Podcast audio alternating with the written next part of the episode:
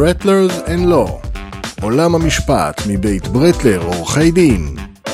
שמואל, נפגשים שוב. העונג כולו שלי, אדם. אמ, אני חייב לציין שדיברנו לפני אה, הפגישה שלנו היום לפודקאסט, אמרת לי שהנושא שלנו היום, אה, סיפרת לי על דרישת הכתב בעסקאות מקרקעין. הדבר הראשון שעלה לי בראש, מה בסוף 2023 ולדרישת כתב, כאילו, זה לא obvious? Uh, זה לא obvious, uh, בכלל uh, זה כרגע לאור כל ההתקדמות בטכנולוגיה, אז באמת יכול להיות ש... אנשים היום יכולים להקליט הודעה בוואטסאפ ולחשוב שהם אה, חתמו על עסקה או עשו עסקה או שיש בזה הסכמה לעסקה או הצעה לעשות עסקה, אבל זה לא ככה מבחינת החוק בארץ. החוק בארץ, חוק המקרקעין, קובע בצורה מפורשת, סעיף 8 לחוק המקרקעין, שהתחייבות לעשות עסקה במקרקעין חייבת אה, הסכם בכתב. הדרישה הזאת היא דרישה שהיא דרישה שכתובה בחוק, וזו דרישה שבתי המשפט גם מפרשים אותה בתור דרישה מהותית. בלעדיה בית המשפט לא יכיר בעסקת מקרקעין. זאת אומרת, גם ב-2000, לשאלתך, גם ב-2023 יש צורך בכתב, תכף נדבר אולי גם מה זה הכתב בדיוק, כדי לעשות עסקה במקרקעין. אז בואו נעשה רגע סדר, שמואל. עסקה במקרקעין, עסקת מכר רגילה, מה היא צריכה לכלול? מה היא חייבת לכלול? אה, בית המשפט פירש את הדרישה הזאת בסעיף 8 בחוק, אה, בתחילה בצורה מאוד מאוד מחמירה, כלשון החוק, ולצורך עריכת עסקה במקרקעין בשנות ה-70 המוקדמות בהתחלה, היו דרישות מאוד ספציפיות מה צריכה עסקה במקרקעין לכלול. היא צריכה לכלול את שמות הצדדים, את המחיר של העסקה, תיאור של הנכס, תנאי תשלום, מי משלם את המיסים, מועד מסירת חזקה. אם, אם כל הפרטים האלה לא היו נמצאים בתוך, ההס, בתוך ההסכם, בתוך הנייר, בית המשפט לא היה אוכף את העסקה הזאת. עכשיו, הדבר הזה מאוד מאוד משמעותי, מפני שכשעורכים הסכמים, ערכו אותם בזמנו, צריך היה לדעת את הדברים האלה ולהקפיד עליהם. אה, זיכרון דברים למשל, שהיום יש נטייה לכבד אותו כאילו זה הסכם, אפשר היה לחמוק ממנו ולהגיד, אין פה דרישת המסוימות, זה לא עונה לדרישת הכתב, ולא הייתה עסקה. זאת אומרת, זה, זה דבר מאוד מאוד uh, חשוב שהיה צריך להקפיד עליו מאוד מאוד. הסכם כיום יכול, אני, אני לא יכול לדמיין עסקה שלמעשה היא לא בכתב, זאת עסקה כל כך משמעותית, זה לא תרשום לי במכולת. נכון, אבל uh, uh, זה, עסקה במקרקעין, כולנו יודעים שזאת עסקה שרוב בני אדם, זאת העסקה הכי משמעותית בחיים שלהם. והנטייה היא באמת שעסקאות כאלה חשובות, לתעד את הדברים, לערוך אותם בכתב. אבל העבר, פסקי הדין מראים שזה לא כך תמיד אה, קורה. ולאורך השנים בתי המשפט בארץ דנו בהרבה מקרים של אנשים שעשו עסקאות מקרקעין ולא עשו את ההסכם בכתב כמו שרובנו מכירים אותו. אה, למשל הסכמים שעשו אותם על מפית במסעדה, אה, הסכמים שלא עשו אותם אלא יש ראיות שמוכיחות את קיומם. אתה יכול, אתה כל כך הרבה שנים במקצוע, אתה יכול לנסות להבין אדם שעורך חוזה מכר לא בכתב? מה עובר לו בראש? לפעמים הנסיבות הן כאלה שיושבים שני אנשי עסקים במסעדה, והייתי נוכח בכמה מפגשים כאלה, ומסכמים את ה... מוציאים מפית, את המפיות האלה שכולנו מכירים, מוציאים אותם וכותבים את הפרטים על המפית, לפעמים חותמים, לפעמים לא חותמים. Mm-hmm. זאת אומרת, בעסקאות האלה בדרך כלל, אני חושב שאפשר לחלק אותם לשתי קטגוריות של אנשים שעושים את העסקאות האלה. או אנשי עסקים, שזה במהלך הדיבורים הרגיל, ויכוחים, יושבים, טוב בואו נגמור את העסקה, נלחץ את היד ונסגור את העניין. או אנשים שלא מודעים לנושא הכתב ולא עושים את העסקים באופן רגיל. לפעמים הם נותנים איפוי, רק ייפוי כוח כדי לעשות את העסקה. לפעמים הם uh, כותבים uh, מספר דברים, עקרונות, ובזה יש עסקה, ופועלים על סמך העקרונות האלה, כאילו זה הסכם בכתב. אלה, אלה בדרך כלל שתי הקצוות ש, של אנשים שנוטים לעשות עסקאות בלי דרישת הכתב, בלי צורה מפורטת, בלי מסוימות, שאפשר להסיק ממנה ממש מסוימות, רק מקריאה. זאת אומרת, מצד אחד אנשי עסקים, מצד שני יש פה איזשהו רובד מאוד מאוד משמעותי של אמון. כן, יש אמון, צד אחד אמון של אנשי עסקים אחד בשני, צד שני זה גם חוסר ידיעה או תמימות. אלה, אלה הדברים, כי אדם מהיישוב שאני נוטה להאמין שהוא הולך אה, לעורך, לעורך דין, הצד השני הולך לעורך דין, סביר להניח שתהיה פה עסקה, הסכם בכתב. אבל אם הצדדים, למשל ביחסים בתוך המשפחה, יחסים של אמון, מגיעים להסכמות ביניהם, לא תמיד הם מקפידים על אה, דרישת הכתב, לא תמיד הם מתייעצים עם אנשים, אה, גורמים בחוץ, וזה כמובן גורם להרבה בעיות ולהרבה פסקי דין אחרי זה, שמנסים אה, לנתח את כוונת הצדדים ולבדוק האם הייתה פה עסקה, לא הייתה פה עסקה, זה עונה לדרישות הכתב, לא עונה לדרישות הכתב. אז, אז הנה נגיד הדוגמה שציינת שמואל, אנשי עסקים נפגשים, אוכלים ארוחת צהריים ו- וסוגרים על פניו בכתב, על, על מפית, איזשהו הסכם ביניהם. זה עובר? אה, הפסיקה, כמו שתיארתי אותה בהתחלה, שהקפידה מאוד על כל הרשימת אה, פרטים, דרך אגב, קבעו שזאת לא רשימה סגורה, אפשר היה להוסיף, אפשר קצת היה להוריד. יש אה, בשנים האחרונות נטייה לרכך את דרישת הכתב. במובן זה שלפעמים לא תמיד בית המשפט דורש את כל הפרטים שיהיו בתוך ההסכם. ככה למשל, בית משפט הכיר בפתק, דומה לפתק שסיפרתי עליו, שהיה כתוב שם רק מחיר לדונם, לא היה כתוב מועד מסירה של הקרקע. שמות הצדדים לא היו כל כך ברורים, וגם מי שחתם על ההסכם לא היה בדיוק מיופה כוח. אבל בית המשפט אמר, רק מהפתק הזה אני יכול אה, להסיק שהייתה פה עסקה. ולמעשה הוא מכשיר את העסקה. והכשיר את, העסק, את העסקה הזאת, כי הוא אומר, את ה... פה קבעו את המחיר לדונם, ככה מקובל. הם בטח הסכימו, מחיר לדונם, היה לה מוכר חמישה דונם. אפשר להבין, אז הקונה יכול היה להגיד, אני קונה שני דונם, שלושה דונם, במחיר חמשת אלפים לירות, אז זה היה לדונם, לצורך העניין הזה. מתי הוא יקבל את החזקה? אז השלימו את זה מחוק המכר, שאומר, אתה מקבל את הטובין כשאתה גומר לשלם, אתה גומר לשלם, אתה מקבל את החזקה בקרקע. זאת אומרת, בית משפט, על מנת לא ליצור תוצאה שהיא לא הוגנת, הייתה בעיניו, אה, קיבל את. הראייה הזאתי לעריכה, שהיה הסכם, זאת אומרת, זה לא בדיוק היה הסכם, אלא מין יותר ראייה לקיום ההסכם, והשלים את הפרטים מכוח החוק. לקח את החוקים והשלים דרכם את ההסכמות של הצדדים. דיברנו כבר בפרק קודם על עניין של טכנולוגיה ו-AI, אבל בוא, נ, בוא ניקח דוגמה יותר אה, אה, פשוטה. מייל, הודעה קולית. הם יכולים להיות חלק מהדרישת הכתב? אה, בפרק הקודם דיברנו מישהו ששלח thumbs up אה, כן. את האגודל ואמרו שזאת הייתה בקנדה, קבלה כן. של החוזה. כתב, איך מפרשים את הכתב? והולכים לפי פקודת הפרשנות. פקודת הפרשנות אומרת מה זה כתב, זה יכול להיות כתב, מכונת כתיבה, מכונת צילום, כל דבר שהכתב יכול, לרא... הכתב או המספר, לצורך העניין, נראה לעין. אז בוא נגיד שמייל, זה, יש פה את דרישת הכתב, אבל אפשר להגיד שאין פה את דרישת המסוימות, כי אולי אין חתימה.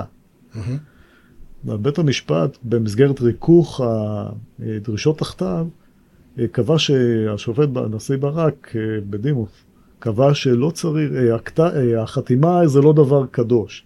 היא אולי מוכיחה את הקיום של ההסכם, אבל זה רק ראייה להוכחה, זה לא הדבר שאם הוא לא קיים הוא איננו. זאת אומרת, אני חושב שהיום אה, מייל, שזה תקשורת אה, מקובלת היום, אה, שמייל שיהיה מספיק מפורט, לפי דעתי יכול אה, למלא דרישת הכתב. לגבי אה, הקלטה קולית, פה כבר היה פסק דין שהקלטה זה לא, אה, לא ממלא דרישת הכתב. זה לא מספיק. לא מספיק כרגע.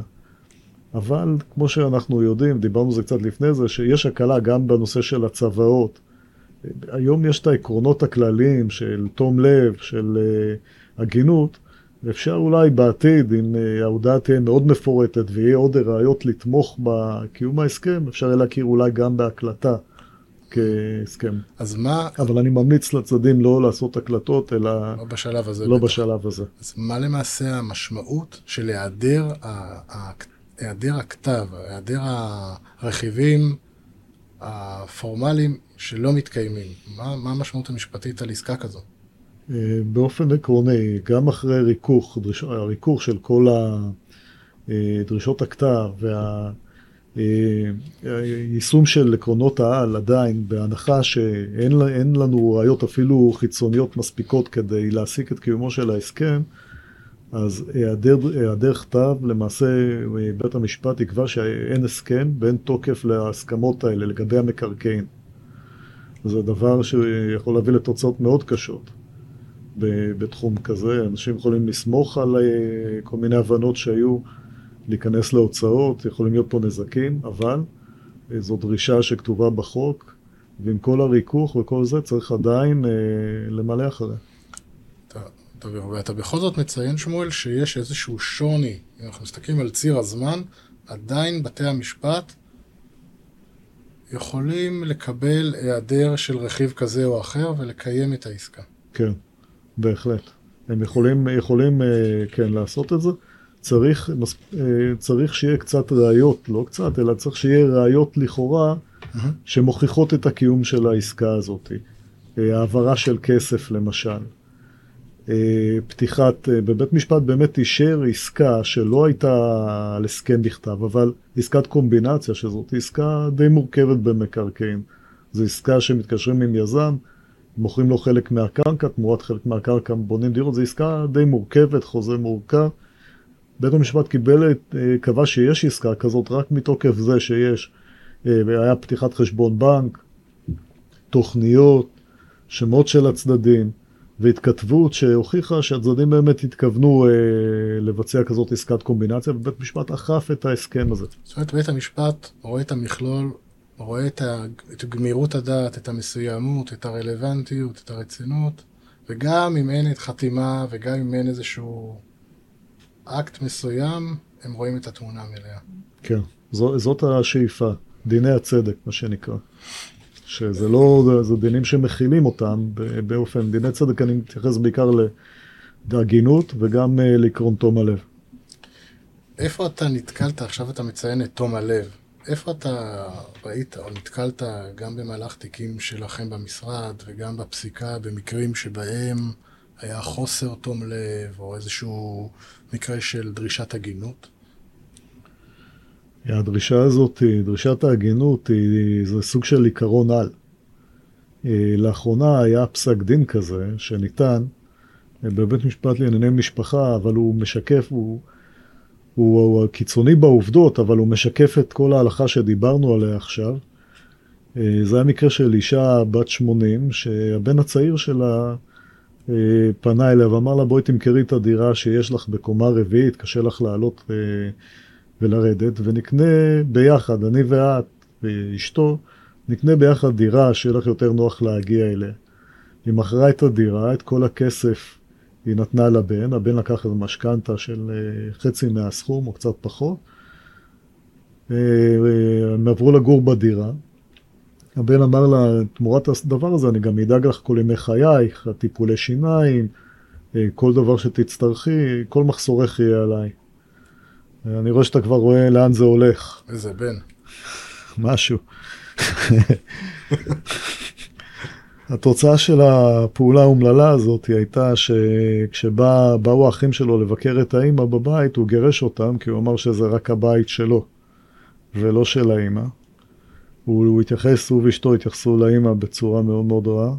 והבית רשום? הבית על... התברר, אחרי שהוא גירש את האחים שלו, הם בדקו והתברר שהוא רשם את הבית רק על שמו ועל שם אשתו ולא על שם האימא שלו. נורא. מה, עשו האחים במצב כזה? האחים, אה, הייתה שערורייה, הוציאו נגדם צו הרחקה בהסכמה, היה שם שערורייה שלמה. האימא פנתה לבית משפט וביקשה אה, לאכוף את ההסכם שלה ושל הבן שלה, להירשם כבעלת אה, מחצית הזכויות בדירה. הבעיה היא, זה בדיוק מה שדיברנו, אין, אין, אין להם הסכם. הכל היה בעל פה. בית משפט אה, יישם פה את ה... כל התיאוריה ואת כל הפרקטיקה של הריכוך של דרישת הכתב. והוא קבע שבמקרים של אה, חוסר הגינות זועק, חוסר תום לב, אפשר לאכוף הסכם במקרקעין, ואני מדגיש, זה מקרים יוצאי דופן, שלא יחפשו אותה. זה לא דבר שקורה כל יום, אבל כלומר, במקרים כאלה אפשר לאכוף הסכם גם אם הוא לא נעשה בכתב. ולצורך זה הוא השתמש בשני מבחנים. אחד, האם הצד שנפגע הסתמך או פעל על פי ההסכם, ומה, ודבר שני, מה הנזק שנגרם לו. במקרה הזה ברור שהתשובות היו חיוביות לשתי השאלות, והנזק הוא רב מאוד, האישה נשארה בלי כלום למעשה, בלי הדירה שלה, לא היה לה רכוש. בית משפט אכף את ההסכם, והדירה הזאת תירשם גם על שמה. גם לצורך העניין, כן. ציינת את נושא ההגינות, בטח בעסקה כל כך משמעותית. אני חייב לשאול אותך, שמואל, מה, איפה מתחיל ונגמר מדד ההגינות? הרי זה לא צריך להגיע למצב כזה קיצוני, הרי בכל יום כשיש עסקאות ויש משא ומתן, כביכול בתום לב, נדרשת גם הגינות. איפה היא מתחילה ואיפה היא נגמרת? בעסקאות הכי סטנדרטיות. כן, כן, כן, כן. אני חושב, זה, הגינות זה לפעמים גם בעיני המתבונן, כן? כי זה משהו סובייקטיבי, אם כי יש כללים עקרוניים, למשל, אני, אני אתן לך דוגמה, תום... אני אתן לך דוגמה, צדדים סוגרים על מחיר. יש כבר, עורכי הדין מחליפים טיוטות, עם כוכבית, בלי כוכבית, בכפוף, לא בכפוף. פתאום אחד הצדדים אומר, אני רוצה עכשיו שמאות. כל אחד חושב שזה לטובתו. איפה למעשה שמים את הכת? מה שעיקרון התום לב הוא נמצא בחוק, קודם כל יש, זה עיקרון שקבוע בחוק, עיקרון שקבוע בחוק החוזים, תום לב בקיום חוזה ותום לב במשא ומתן לקראת עריכת הסכם. הפרה של תום הלב הזה מקנה לצד הנפגע פיצויים. הנקודה היא באמת איך קובעים תום לב בכל מקרה ומקרה. והנקודה שאתה מציין, זה, זה מתייחסת בדיוק אה, דוגמה לחוסר תום לב במשא ומתן. צדדים מנהלים משא ומתן, ולפני חתימת ההסכם, פתאום אחד הצדדים אה, מעלה את הדרישה הזאת שיכולה לפוצץ את ההסכם.